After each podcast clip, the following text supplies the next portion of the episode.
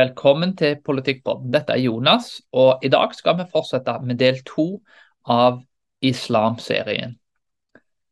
Det er I den første episoden om islam så så vi på islams lands underutvikling, og hvordan den islamske religionen og virkelighetsforståelsen og verdiene var hovedårsaken til dette. Det som ble nevnt i forrige episode, var det at vi vet at islam ikke er den eneste årsaken til underutvikling. Dette er komplekse spørsmål som krever komplekse svar. Og det er kanskje ikke noe sånn svart-hvitt svar hva som alene fører til underutvikling. Det er mange svar og mange forklaringer. Det jeg ville vise i forrige episode, var at islam er hovedårsaken, og i alle fall en viktig årsak til islamske lands underutvikling. Men ingen vil påstå at det finnes én ting som gjør at ting blir sånn som det blir. Det er mange som sier nei, islam har ingenting med underutvikling å gjøre. Og egentlig er det akkurat motsatt.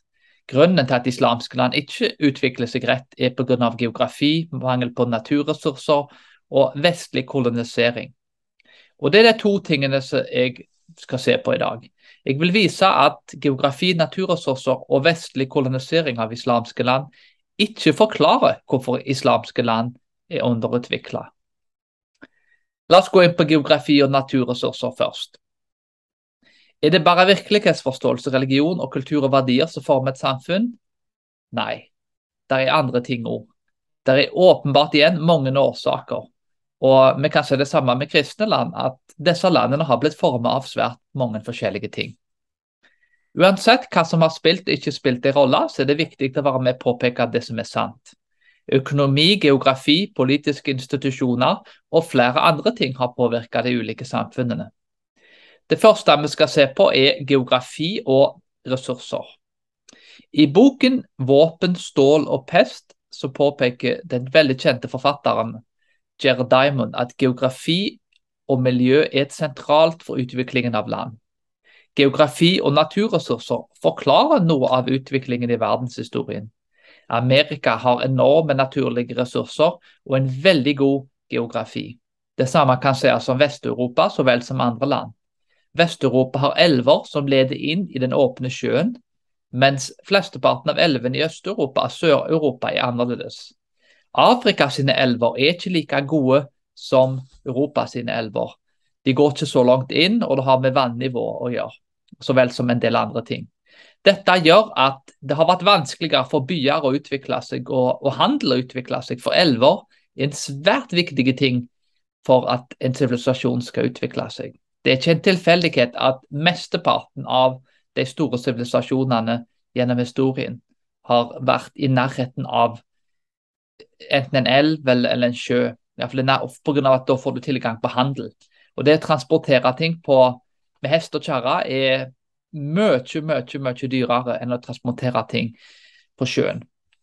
Så du bruker mye mindre energi, og det, er mye enklere. Så Mesteparten av den store handelen gjennom historien har vært på sjøen. Og sånn er det jo i dag. Lette tilgang på det åpne hav og på gode handelsruter gjør altså det mulig å opprette internasjonal handel, flytte varer billig på vann.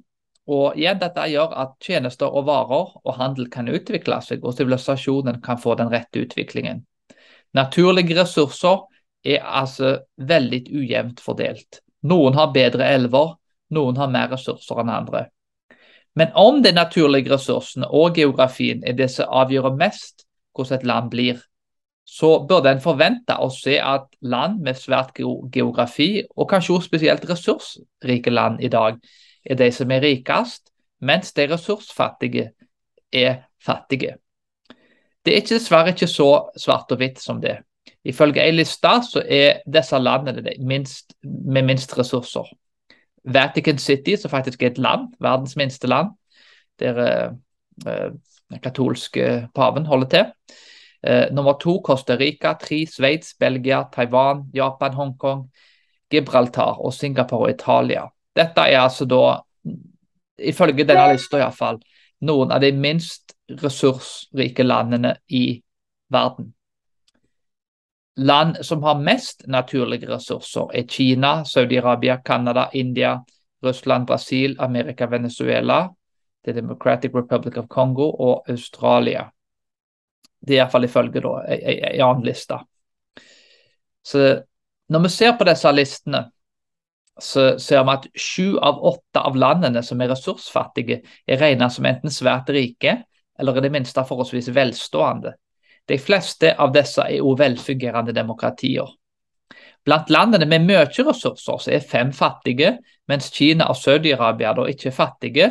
Kina er jo veldig rikt, og det er vel egentlig Saudi-Arabia òg, eh, til tross for at rikdommen kanskje ikke blir så godt fordelt der. Men uh, dette er jo totalitære land, eller iallfall autoritære land, som ikke har samme likhet for borgere, og ikke akkurat noe plass som i dag blir brukt som et eksempel på hvordan et land bør styres, med tanke på mangel på menneskerettigheter. Og ja, brudd rett og slett på ytringsfrihet og, demokrati og menneskerettigheter. Det er òg sånn at ressurser kan være en forbannelse heller enn en velsignelse. Det er jo en, en, annen ting vi kan gå inn på. Men jeg vil bare si igjen da, at eh, når vi ser på disse listene her, så er det ikke sånn at de med minst ressurser er de som er dårligst, og de med mest ressurser er best. Faktisk så er det for mange unntak på disse listene til at du kan gjøre det om til en regel. Så Det er altså ikke noe klar korrelasjon mellom disse tingene på noe som helst vis. En teori som har blitt brukt for å forklare hvorfor det er sånn, er at mye ressurser kan være en forbannelse. Oljerike land som Russland, Venezuela, Iran og Saudi-Arabia er ikke kjent for utvikling, innovasjon og menneskerettigheter. Sosiologen Ruud Koopmann skriver om oljens forbannelse, som er kjent på de som forsker på dette. Olje og andre ressurser kan ifølge Koopmann, ifølge Islams forfalne hus, som er tittelen på boken, det kan ha negative konsekvenser for innovasjon, investeringer, økonomiske reformer og dermed påvirke konkurranseevner. Naturressurser og olje kan bli en for politiske forbannelse heller enn en velsignelse. Autoritære makthavere i land som er rike på naturressurser, blir mindre avhengig av å ta skatt fra egne borgeres inntekt for å finansiere sine prosjekter. Lederne som har veldig mye naturressurser, blir altså mindre avhengige av folket for å utføre sine prosjekter. Så De trenger altså ikke folket sin støtte i samme grad, for de har de naturlige ressursene som de selger til andre land. I et sånt system så er det vanskeligere for borgere å presse lederne sine til, å godkjenne flere politiske rettigheter, ettersom makthaverne ikke er avhengige av dem. Kopmann mener at dette bare gjelder visse ting, eh, men eh, han mener faktisk at eh, det gjelder olje med naturgass, uran, diamanter, gull, jernmalm, backsuit og lignende. Så det er mange av disse ressursene som dette gjelder. Kanskje dette kan forklare hvorfor ressursrike Norge i dag har store problemer med å få lavere strøm- og drivstoffpriser i et land med lav befolkning og overflod av disse ressursene. Hvorfor er strømmen blitt så dyr? Med tanke på at vi har kanskje mer strøm per befolkning enn nesten noe annet land. Vi har mer olje altså per person kanskje enn noe annet land. Det er for litt av de høyeste i, i, verden. I tillegg da, så er eh, Chile, Mongolia, Trinidad og Surinam sterkt avhengige av råvarer. Og likevel de, altså, de, demokratier. Men, men, for å gå tilbake til det opprinnelige poenget, da, så er det jo et problem i Norge i dag at de som styrer landet vårt, i større grad kanskje ikke bryr seg så mye om befolkningen. De er ikke så avhengige av, av skattepengene våre som, som, de ellers hadde vært hvis det ikke hadde vært olje. De er vel litt avhengige av det. Men en annen ting er jo da at Chile, Mongolia, Trinidad og Surinam er sterkt avhengige av råvarer, i likhet med Norge, og er likevel demokratier.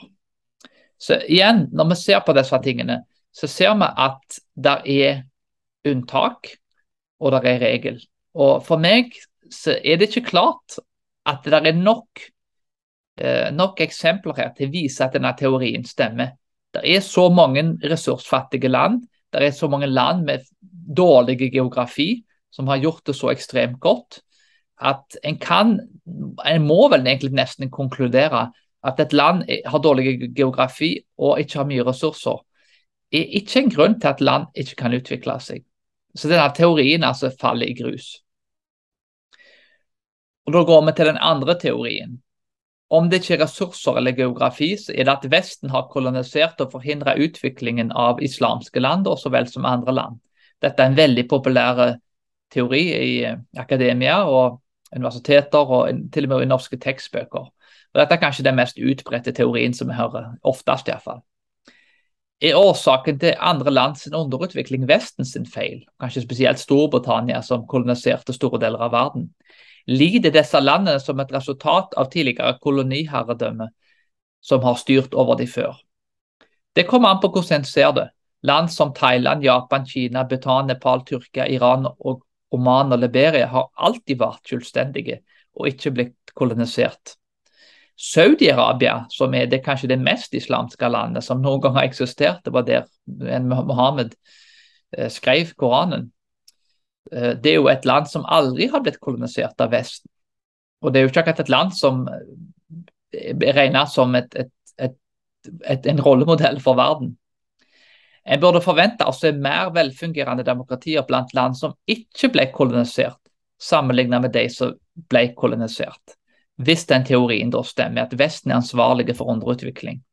Men Koopmann eh, sier at mer enn en tredjedel av landene uten eller med under 150 års vestlig koloniherredømme er frie demokratier.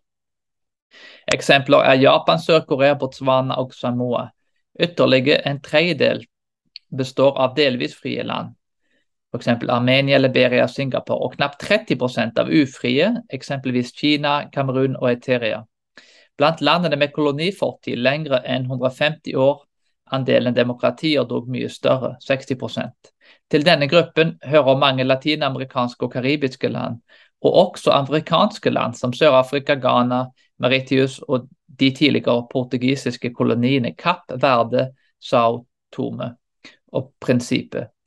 Også verdens mest folkerike demokrati, India, hører til denne gruppen.